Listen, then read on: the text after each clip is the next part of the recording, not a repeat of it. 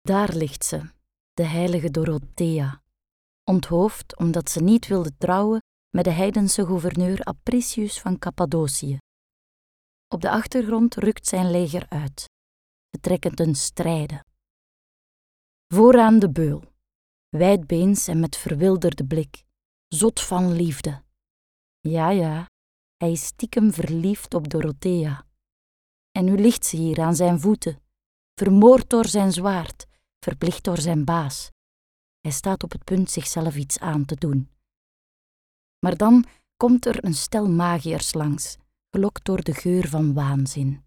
De oude man met zijn rode mantel en zijn leerling in het roze. De magier zegt: Wat wilt je ervoor geven om haar terug te doen leven? Alles, zegt de beul dramatisch. Alles. Hij moet het schuim van een dolle hond over de wonden smeren, zodat het bloed niet stolt.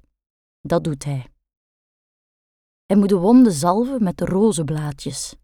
Dat doet hij. Hij moet iets van zichzelf afhakken. Hij twijfelt. Een oor? Een teen?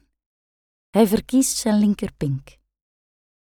Ten slotte moet hij driemaal fluisteren: Het leven is een lieve lust, een lieve lust, een lieve lust.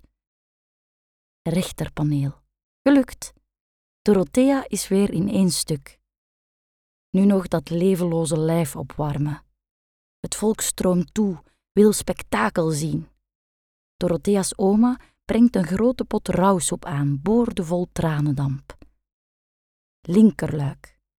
Dorothea heeft het eeuwige leven. Wereldberoemd mag ze overal haar verhaal vertellen. Aan keizers, sultans en grootviziers die zich terstond bekeren. Er ontstaat een hype. Iedereen wil onthoofd worden en heropleven, voor de kik. De beul heeft het druk. Tjak, tjak, tjak, twintig hoofden eraf.